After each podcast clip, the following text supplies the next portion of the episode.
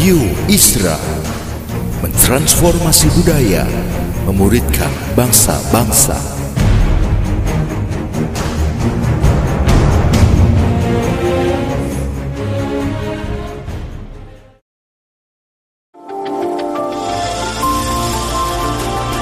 Voice of Pradaim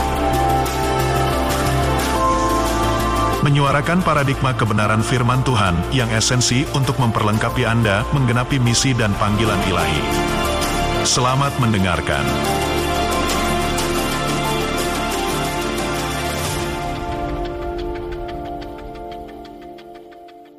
Saya ingin hari ini uh, berbagi buat kita tentang bagaimana kita menaklukkan uh, musuh yang yang yang ada dalam kehidupan. Ya musuh itu namanya adalah keakuan. Ini tema saya hari ini adalah menaklukkan kehidupan. Ya, menaklukkan bagaimana kita bisa tetap kuat di masa yang tidak gampang ini. Nah, saya ingin mengajak kita untuk belajar dari perjalanannya Yosua. Ya, dia akan dikasih tugas untuk menyeberangi, ya, untuk pergi ke menyeberangi dari Sungai Yordan untuk pergi ke Kanaan tentunya. Nah, Bapak Ibu kalau kita membaca di uh, kitab Yosua, saya nanti akan membaca uh, pasal 5 ada beberapa ayat yang saya ingin bacakan buat Bapak Ibu semua. Tapi kalau kita melihat di Yosua pasal yang uh, uh, kelima ini ayat pertama misalnya ya, kalau kita melihat semua raja-raja ada di Kanaan, ya, raja-raja orang Amori kah, ya kemudian raja-raja Kanaan yang ada itu semua sudah tawar hati dan gemetar. Waktu mendengar bahwa Yosua dan orang-orang Israel mulai memasuki tanah Kanaan, ya Bahkan kalau kita melihat di ayat pertama dari pasal 6, itu Yeriko yang adalah simbol dari Kanaan, itu sudah menutup uh, pintu-pintunya, pintu gerbangnya ditutup karena ketakutan. Sebab begini Bapak Ibu semua, mereka sudah mendengar bagaimana uh, apa namanya Tuhan menuntun Israel dengan cara yang luar biasa. Laut dibelah, mereka kemudian berjalan dan menaklukkan beberapa musuh-musuh dalam perjalanan mereka. Tapi yang luar biasa begini Bapak Ibu semua. Ternyata begitu mereka sudah ada di uh, Kanaan, ya mereka sudah Yeriko sudah mereka sudah ada di di sekitar situ. Ternyata Tuhan nggak mau langsung mereka kemudian menaklukkan Yeriko. Tuhan nggak mau. Sebab begini, ternyata ada hal yang harus ditaklukkan yang lebih daripada Yeriko. Ya, menaklukkan Yeriko buat Tuhan gampang Bapak Ibu. Menaklukkan semua persoalan itu buat Tuhan mudah. Yang setuju katakan amin. Ya bukan saya kemudian uh, mau apa menyepelekan atau ya menganggap uh, remeh masalah-masalah yang kita hadapi. Bukan Bapak Ibu ya. Semua kita punya proses. Tapi buat Tuhan menaklukkan itu uh, sangat mudah sekali karena dia Tuhan yang berdaulat. Tapi ternyata ada musuh yang harus ditaklukkan, yaitu musuh itu adalah musuh keakuan yang ada di dalam kita. Nah, saya ingin me, me, me, memperlihatkan buat Bapak Ibu ada beberapa ayat, saya lompat-lompat saja di pasal yang kelima ini yang kita coba akan renungkan bersama-sama. Yang pertama ternyata Bapak Ibu, sekali lagi mereka sudah tinggal ambil saja Yeriko, tapi Tuhan eh, nggak uh, izinkan mereka cepat-cepat ambil itu. Ya, bahkan kemudian Tuhan suruh mereka untuk tinggal di satu tempat dulu. Nah, yang pertama kalau kita melihat ya bahwa semua orang yang lahir di padang gurun, ya kita coba lihat Yosua pasal yang kelima, coba kita lihat ayat yang kedua sampai ayat yang ketiga dari Alkitab kita. Nah ini dia. Pada waktu itu berfirmanlah Tuhan kepada Yosua, buatlah pisau dari batu dan sunatlah lagi orang Israel itu untuk kedua kalinya. Lalu Yosua ayat yang ketiga ya, lalu Yosua membuat pisau dari batu dan disunatnya lah orang Israel di bukit kulit katan. Ya, uh, nanti Bapak Ibu baca uh, ayat-ayat berikutnya. Tapi prinsip yang pertama adalah begini, bahwa semua yang lahir di padang gurun, ya kita tahu kan Bapak Ibu ya, yang keluar dari Mesir itu jutaan orang, itu semua terbunuh di padang gurun dalam perjalanan selama 40 tahun. Ya, itu yang membuat Musa kemudian tidak sampai masuk ke Kanaan. Padahal kalau Bapak Ibu lihat ya, waktu Musa ada di Gunung Nebo, itu perjalanan tinggal ya sebentar saja mereka sudah masuk ke tanah Kanaan. Kan tanah Kanaan itu terdiri dari beberapa tempat ya. Ada Yeriko, ada Yudea, ada di beberapa wilayah. Itu tanah perjanjian yang Tuhan janjikan. Jadi selama perjalanan satu uh, tahun lebih dua bulan itu sudah ada di depan mata. Tapi gara-gara para pengintai yang jumlahnya ada 12 tapi 10-nya membawa kabar busuk. Mereka itu harus kemudian menunggu waktu selama 38 tahun lagi. Jadi totalnya 40 tahun kan Bapak Ibu ya. Mereka harus menunggu selama itu. Bahkan begini, Musa sendiri akhirnya tidak bisa masuk tanah kanaan gara-gara pemberontakan-pemberontakan yang terjadi sampai Musa kemudian kesel dan sebagainya ya. Bapak Ibu bisa membaca itu. Tapi begini Bapak Ibu, waktu kemudian dalam perjalanan di padang gurun lahir generasi baru. Makanya konsentrasinya Musa adalah pada orang-orang baru ini yang nantinya akan dipimpin oleh Yosua sebagai penggantinya. Nah Tuhan berkata sama Yosua, Yosua kamu harus sunatkan mereka. Ya, Sebab Tuhan mau menghapus celah Mesir. Celah Mesir apa? Yaitu pemberontakan. Di mana mereka secara fisik keluar dari Mesir, tapi ternyata mereka masih hidup dalam perbudakan. Makanya betul kan ada perkataan dari seorang hamba Tuhan yang berkata begini, mengeluarkan Israel dari Mesir gampang. Semalam saja dengan tulah yang ke-10, yaitu tulah apa? Semua anak sulung mati, ya Fir'aun berkata silakan kalian keluar. Mengeluarkan Israel dari Mesir itu gampang, semalam saja mereka keluar. Tapi yang tidak mudah adalah mengeluarkan Mesir dari Israel. Ya, identitas Mesir, dosa Mesir, mentalitas Mesir, perbudakan Mesir. Ya, kok begitu Pak Rubin? Oh iya, tandanya apa? Begitu mereka ditekan, ditekan kebutuhan, ditekan apa lagi? Ditekan masalah. Mereka langsung mengingatnya ke belakang. Ya, ah enak tinggal di Mesir Musa apa Mesir kurang kuburan sih? Ya, ah enak lah. Ya nasi gorengnya Mesir, capcaynya Mesir, kemudian apalah uh, minumannya Mesir. Jadi begitu ditekan, gampang terlempar ke belakang. Karena begini, kelihatan secara fisik mereka keluar dari Mesir. Tapi ternyata secara mentalitas, Mesir masih di dalam mereka. Ini perbudakan. Ini yang membuat mereka begini, selalu memberontak di hadapan Tuhan. Ya, pemberontakan itu apa? tidak mau melakukan prinsip firman. Nah, Bapak Ibu kita tahu kan, tujuan daripada Tuhan punya perjanjian dengan bangsa Israel yang dimulai dari nenek moyangnya mereka. Ya, yang pertama adalah Abraham. Ya, sebab setelah Adam gagal, kemudian kita tahu di Kejadian 12. Tuhan itu mengadakan perjanjian dengan Abraham. Nah, Tuhan kenapa mau kemudian begini, anak-anak yang lahir di padang gurun ini disunat kembali. Ini bukan sekedar hanya sunat secara lahiriah, tapi ini bicara tentang sunat secara apa yang ada di dalam, yaitu sunat hati. Di mana semua kedagingan harus dikerat, ya. Semua kedagingan harus dikerat. Karena Tuhan mau sekali lagi mereka harus betul-betul menjadi umat yang kudus. Ya, sekali lagi, karena begini, nanti Bapak Ibu kalau kita belajar, ya, mereka yang tadinya uh, apa tidak memiliki tanah, mereka yang tadinya bangsa pengembara, akhirnya mereka di Kanaan bisa apa? Memiliki tanah, mereka bisa bertani, mereka bisa beternak, mereka kemudian dipercaya harta warisan yang ada di tanah Kanaan. Nah, kalau hati mereka tidak beres, ya mereka nanti tidak akan kuat dalam kehidupan. Makanya saya lihat ada beberapa orang ya, sukses tapi memberontak ya hebat tapi kemudian begini nilai-nilai hancur dalam kehidupan. Makanya saya tidak mengukur perkenanan Tuhan dari fasilitas. Ya, jangan ukur perkenanan Tuhan dari fasilitas, dari kesuksesan secara materi, jangan. Karena banyak orang yang kelihatannya hebat, tapi ternyata yang di dalam tidak berubah. Nah sebetulnya Bapak Ibu, kalau Tuhan suruh mereka disunat, sekali lagi begini, supaya hati mereka bersih. Ya, Hati mereka suci di hadapan Tuhan. Semua bentuk kedagingan dipangkas dalam kehidupan mereka.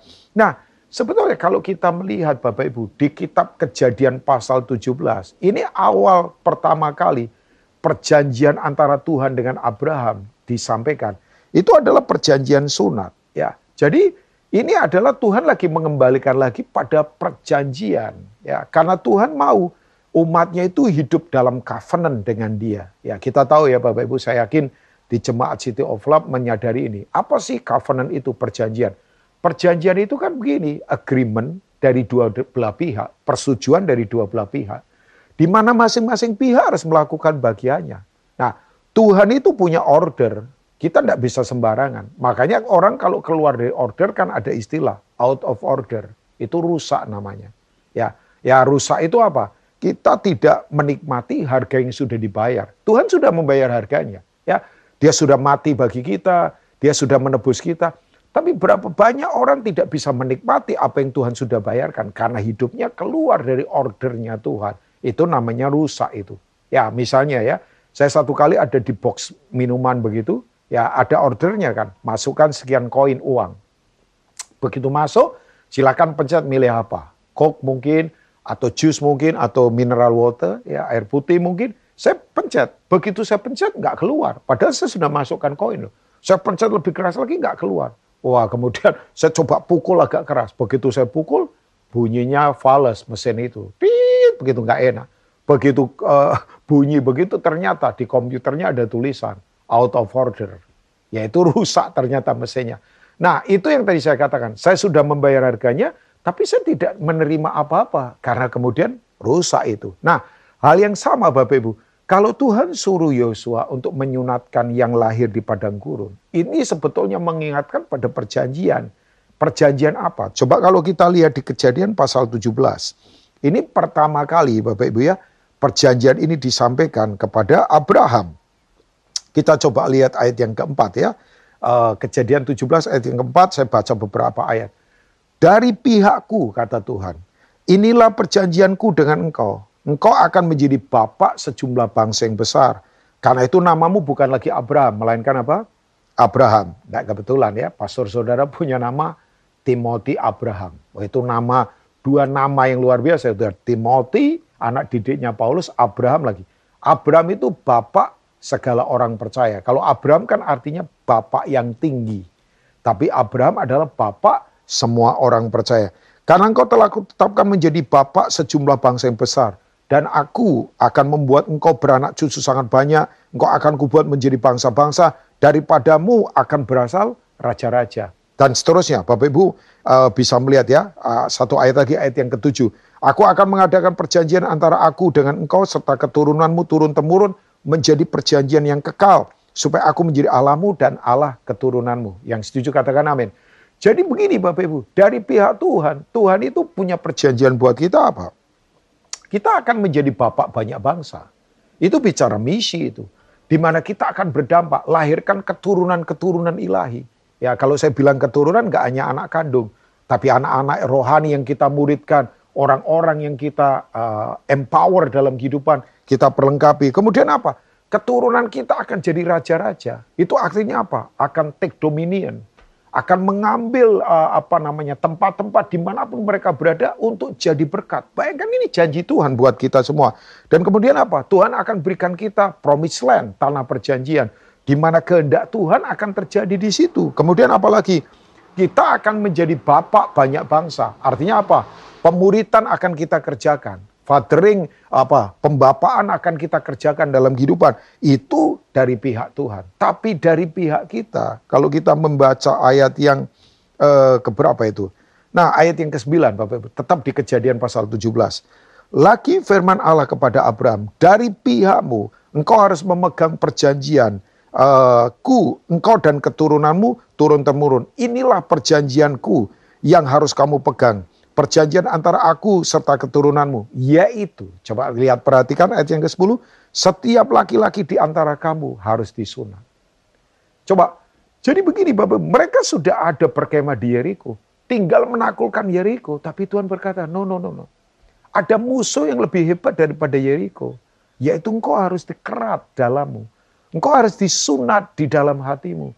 Karena ini penting banget Bapak Ibu. Makanya kalau orang tanya, Pak Rubin, Hal yang paling tidak mudah ditaklukkan apa? Menaklukkan keakuan, menaklukkan diri sendiri. Ini yang tidak gampang Bapak Ibu.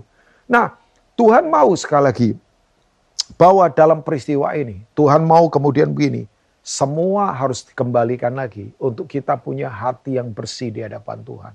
Bapak Ibu, Daud berkata dalam Mazmur 24, siapa yang boleh naik ke gunung Tuhan? Siapa yang boleh berdiri di tempatnya yang kudus? Ya, kemudian klasifikasinya bukan gelar, walaupun punya gelar itu penting. Klasifikasinya bukan posisi, walaupun punya posisi silakan, itu tidak ada masalah. Tapi Daud berkata, orang yang bersih hatinya, yang suci hatinya, orang yang tidak melakukan penipuan dan bersumpah palsu. Orang-orang seperti itulah yang boleh naik ke gunung Tuhan dan berdiri di depan tahtanya. Nah, saya berharap Bapak Ibu jemaat di City of Love, GBI City of Love, kita memiliki hati yang seperti ini. Nah, yang kedua Bapak Ibu, kita belajar dalam perjalanan menaklukkan kehidupan ini. Yang kedua adalah begini Bapak Ibu. Kita kalau melihat di ayat 13, kita kembali ke Yosua pasal 5. Coba kita lihat ayat yang ke-13 Bapak Ibu ya. Kita coba lihat ayat yang ke-13 dari Yosua pasal yang kelima, Alkitab berkata begini. Nah ini dia. Uh, ketika Yosua dekat Yeriko, sudah dekat, sudah dekat sekali.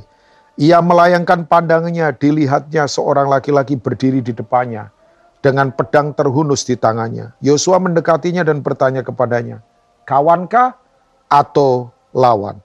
Jawabnya, "Bukan."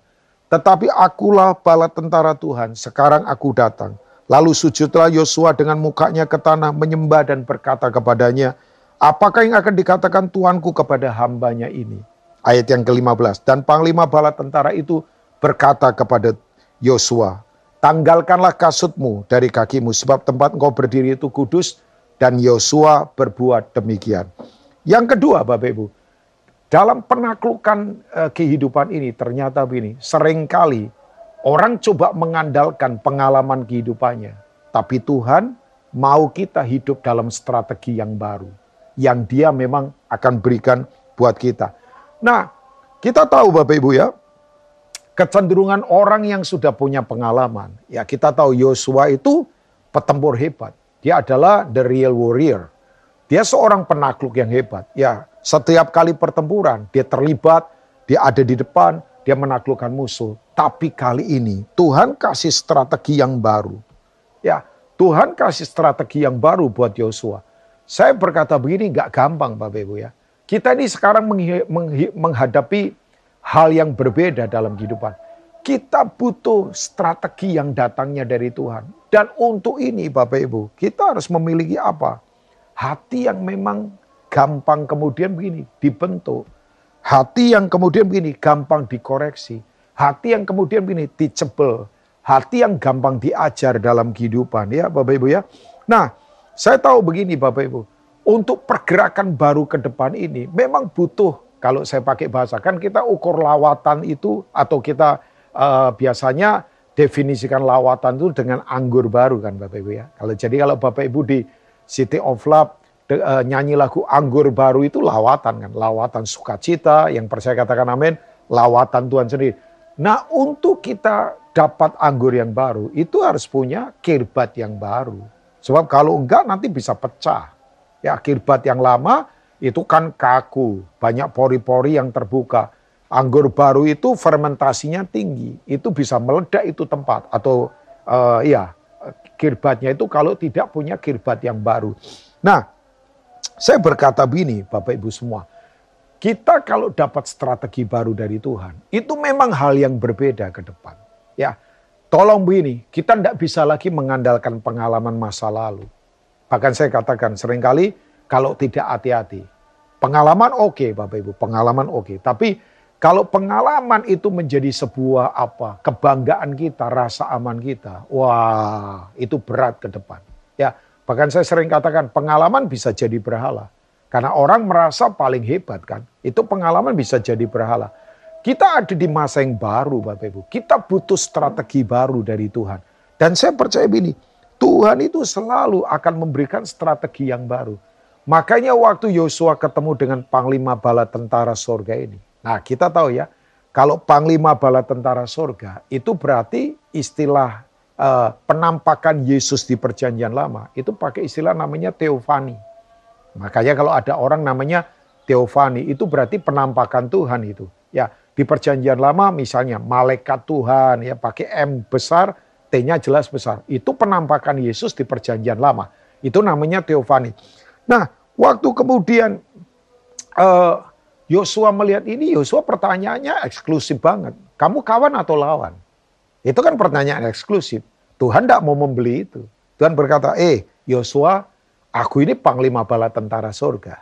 Ya, jadi sekarang begini, Yosua kemudian kita tahu kan langsung eh, apa namanya terkejut dan kemudian dia bersujud kan, bersujud di tanah di mana dia berdiri.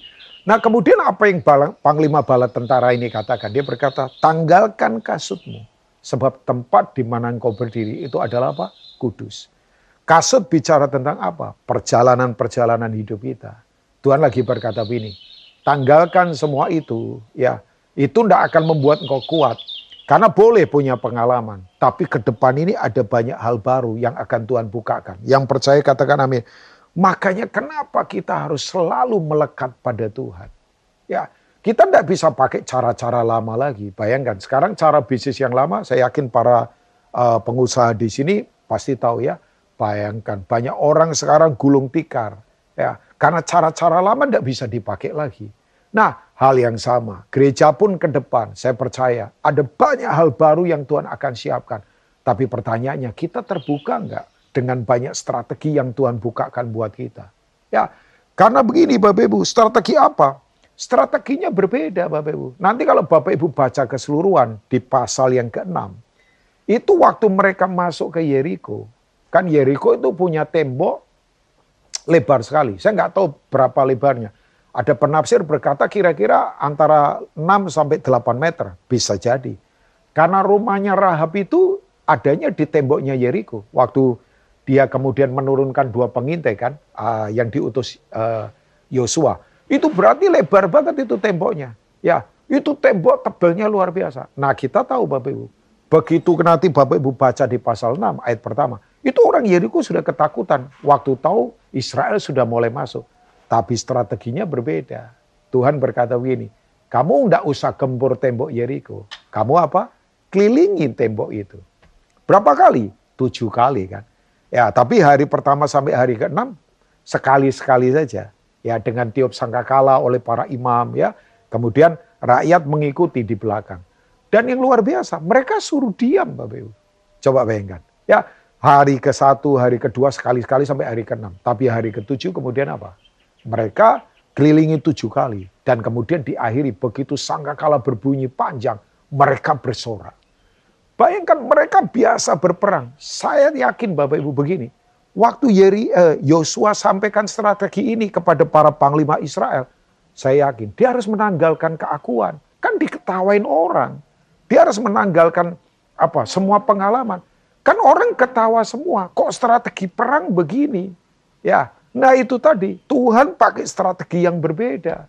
Ya, saya percaya sementara Bapak Ibu mendengar sharing ini, saya sungguh-sungguh berdoa, Tuhan akan membukakan banyak strategi baru ke depan. Ya, untuk para pengusaha, untuk anak-anak muda, untuk para ibu-ibu, siapa pun Bapak Ibu. Ada strategi baru yang akan Tuhan bukakan. Nah, saya tahu begini Bapak Ibu, waktu mereka tutup mulut dan sebagainya. Ya, mereka betul-betul begini Bapak Ibu hanya mengandalkan kekuatan Tuhan saja dalam kehidupan. Ya, saya tahu begini, waktu mereka tutup mulut, ini perjalanan yang sunyi memang. Ya, saya sadar begini, perjalanan pengenalan akan Tuhan itu perjalanan yang sunyi.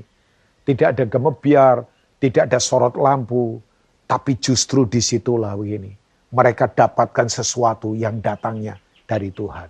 Nah, saya tutup dengan yang ketiga Bapak Ibu. Yang ketiga adalah begini untuk menaklukkan kehidupan, yang pertama, saya tadi sudah katakan, mesti semua kedagingan harus dikerat. Kita mesti harus suci kudus di hadapan Tuhan, hidup dalam perjanjian. Tapi yang kedua, ada strategi baru yang Tuhan akan berikan. Tapi butuh hati yang gampang diajar, hati yang selalu punya respon yang benar, hati yang rendah hati. Tapi yang ketiga, Bapak Ibu, tadi saya sudah katakan kan, Bapak Ibu yang Tuhan kasih, Waktu mereka kelilingi tembok Yeriko, Israel ini kan bangsa yang biasa berperang. Mereka biasa bertempur, mereka mahir menggunakan senjata. Tapi waktu mereka kelilingi tembok Yeriko, mereka harus diam. Saya tahu begini, saya suka bercanda ya. Puasa makan itu oke okay lah, tapi puasa bicara, oh itu tidak gampang. Ya, sering kali saya suka bercanda ada orang dari terbit matahari sampai terbenamnya ngomong terus. Makanya saya suka bercanda ini kalau lahir, pasti waktu dia lahir mulut duluan yang keluar ya. Tidak banyak orang suka ngomong terus. Tapi waktu mereka kemudian suruh mengelilingi tembok Yeriko, Alkitab berkata mereka suruh diam. Saya ini tafsiran saya, nggak tertulis di Alkitab ya. Ini tafsiran saya. Hari pertama Yeriko ketakutan, hari kedua mungkin masih ketakutan, hari ketiga ya mungkin masih ketakutan. Tapi waktu hari keempat, hari kelima, mereka liatin orang Israel berjalan keliling-keliling itu kan, ya ampun itu kayak, eh, mungkin mereka berkata, kok bego ya mereka ya, muter-muter saja tidak bikin apa-apa. Tapi ini yang saya beritahu, ini yang ketiga. Bahwa ketaatan itu, ketaatan total pada Tuhan, itu adalah ekspresi kehidupan yang luar biasa. Pak, sebetulnya apakah ini ekspresi penyembahan? Oh iya. Ekspresi tertinggi penyembahan adalah apa? Obedience. Kata ketaatan, katakan ketaatan Bapak Ibu. Ketaatan itu berasal dari kata asli namanya hupako. Hupako itu begini, kita mendengar dan melakukannya. You have to listen and understand. Kita mendengar tapi memahaminya karena begini, kita praktekkan dalam kehidupan. Sekali lagi, Israel itu bangsa yang biasa berperang. Mereka petempur-petempur. Tapi begitu kemudian mereka disuruh muter atau mengitari tembok Yeriko dan diam. Itu Tuhan lagi berkata begini, tanggalkan semua pengalamanmu, tanggalkan semua keahlianmu, tanggalkan semua koneksimu, tanggalkan semua kebesaranmu, tanggalkan semua kesombonganmu biar aku berperang ganti kamu. Ya, jadi Tuhan lagi berkata begini, gampang kok aku menaklukkan Yeriko. Tapi yang Tuhan mau adalah lebih, ada hal yang harus ditaklukkan di dalam. Ya, sebab sekali lagi, di awal tadi saya sudah katakan kan Bapak Ibu, bahwa nanti di Kanaan, Israel itu akan punya tanah sendiri, akan kemudian bertani, akan menghasilkan makanan dari situ. Makanya setelah mereka kemudian mengadakan pasca, mereka tidak lagi dapat mana kan di pasal-pasal sebelumnya. Mereka sudah makan dari tanah yang ada di Kanaan. Jadi kalau mentalitas mereka nggak siap, pernah nggak Bapak Ibu lihat ya, ada orang baru sukses, sudah kehilangan nilai. Ada orang baru hebat, sudah kemudian begini, hidupnya sembarangan. Karena begini, masalahnya yang di dalam tidak dibangun kuat. Makanya hari ini kita belajar ya Bapak Ibu ya, bahwa begini ternyata. Memang betul ada prinsip yang berkata begini, masalah itu membentuk karakter kita, tapi fasilitas kesuksesan itu akan menguji karakter kita yang sesungguhnya. Saya ulangi ya, masalah proses itu membentuk karakter kita, tapi fasilitas kesuksesan itu akan menguji karakter orang yang sesungguhnya. Ya, waktu mereka di padang gurun mereka dibentuk tapi sekarang mereka mau masuk tanah kanaan. Nanti mereka dapat tanah, mereka bisa punya apa penghasilan. Tapi pertanyaannya, karakternya teruji nggak dalam kehidupan? Makanya sekali lagi, buat Tuhan memenangkan pertempuran itu biasa. Gampang dia Tuhan kok. Yang percaya katakan Tuhan pasti tolong kita Bapak Ibu. Tapi pertanyaannya, apakah yang di dalam kita, kita kuat dan berubah? Saya berdoa biar kita menjadi jemaat yang punya ketaatan kita tetap hidup dalam covenant bersama Tuhan. Jangan sembarangan dalam kehidupan. Ya, ada banyak hal baru yang akan Tuhan bukakan. Saya percaya gereja akan dilibatkan untuk menuntaskan kehendaknya. Supaya di bumi seperti di sorga. Saya berharap perenungan ini membawa kita sungguh-sungguh kembali. Oh iya ya, dalam menaklukkan kehidupan, itu ada musuh yang harus kita selesaikan yang ada di dalam. Saya berdoa Mari begini, celah Mesir tidak ada lagi pada kita. Perbudakan Mesir tidak ada lagi pada kita. Kita menjadi umat yang merdeka, yang akan terus terlibat dalam kehendaknya. Tuhan Yesus memberkati Bapak Ibu semua. Izinkan saya berdoa buat Bapak Ibu semua. Mari di mana pun kita berada, taruh tangan di dada kita. I want pray for you all. Saya ingin berdoa buat Bapak Ibu semua. Karapataka sekene karapalapa. Hakara pataka sokoto korakalapa. Hamba berdoa Tuhan, lewat apa yang kami dengar hari ini, bahwa kami yakin Tuhan akan membawa kami crossover, menyeberang. Ada sesuatu baru. Sebab di Alkitab begitu penyeberangan terjadi, ada pelayanan baru. Yesus menyeberang dengan murid-muridnya. Kemudian dia ada di Gadara. Dan kemudian Dekapolis, sepuluh kota dimenangkan. Waktu kemudian Yosua menyeberang Kemudian yang terjadi Yeriko ditaklukkan. Waktu Elia dan Elisa menyeberang, terjadi pengurapan double porsi. Kami tahu penyeberangan selalu akan membawa kami pada hal-hal yang besar. Hamba berdoa buat umatmu di City of Love. Kami akan menyeberang, melewati semua hal ini. Tapi tujuannya hanya satu, Tuhan dimuliakan. Dalam menyeberang ini kami mau punya mentalitas yang kuat. Hidup dalam perjanjian dengan Tuhan. Ada strategi baru yang membuat kami harus terus punya respon yang benar. Dan kami mau hidup dalam ketaatan yang kuat. Hari ini firman ini termetrai di hati kami memerdekakan setiap kami. Dalam nama Tuhan Yesus, berkati umatmu dan sayangi umatmu. Mari setiap kita katakan, amin. Tuhan Yesus memberkati kita.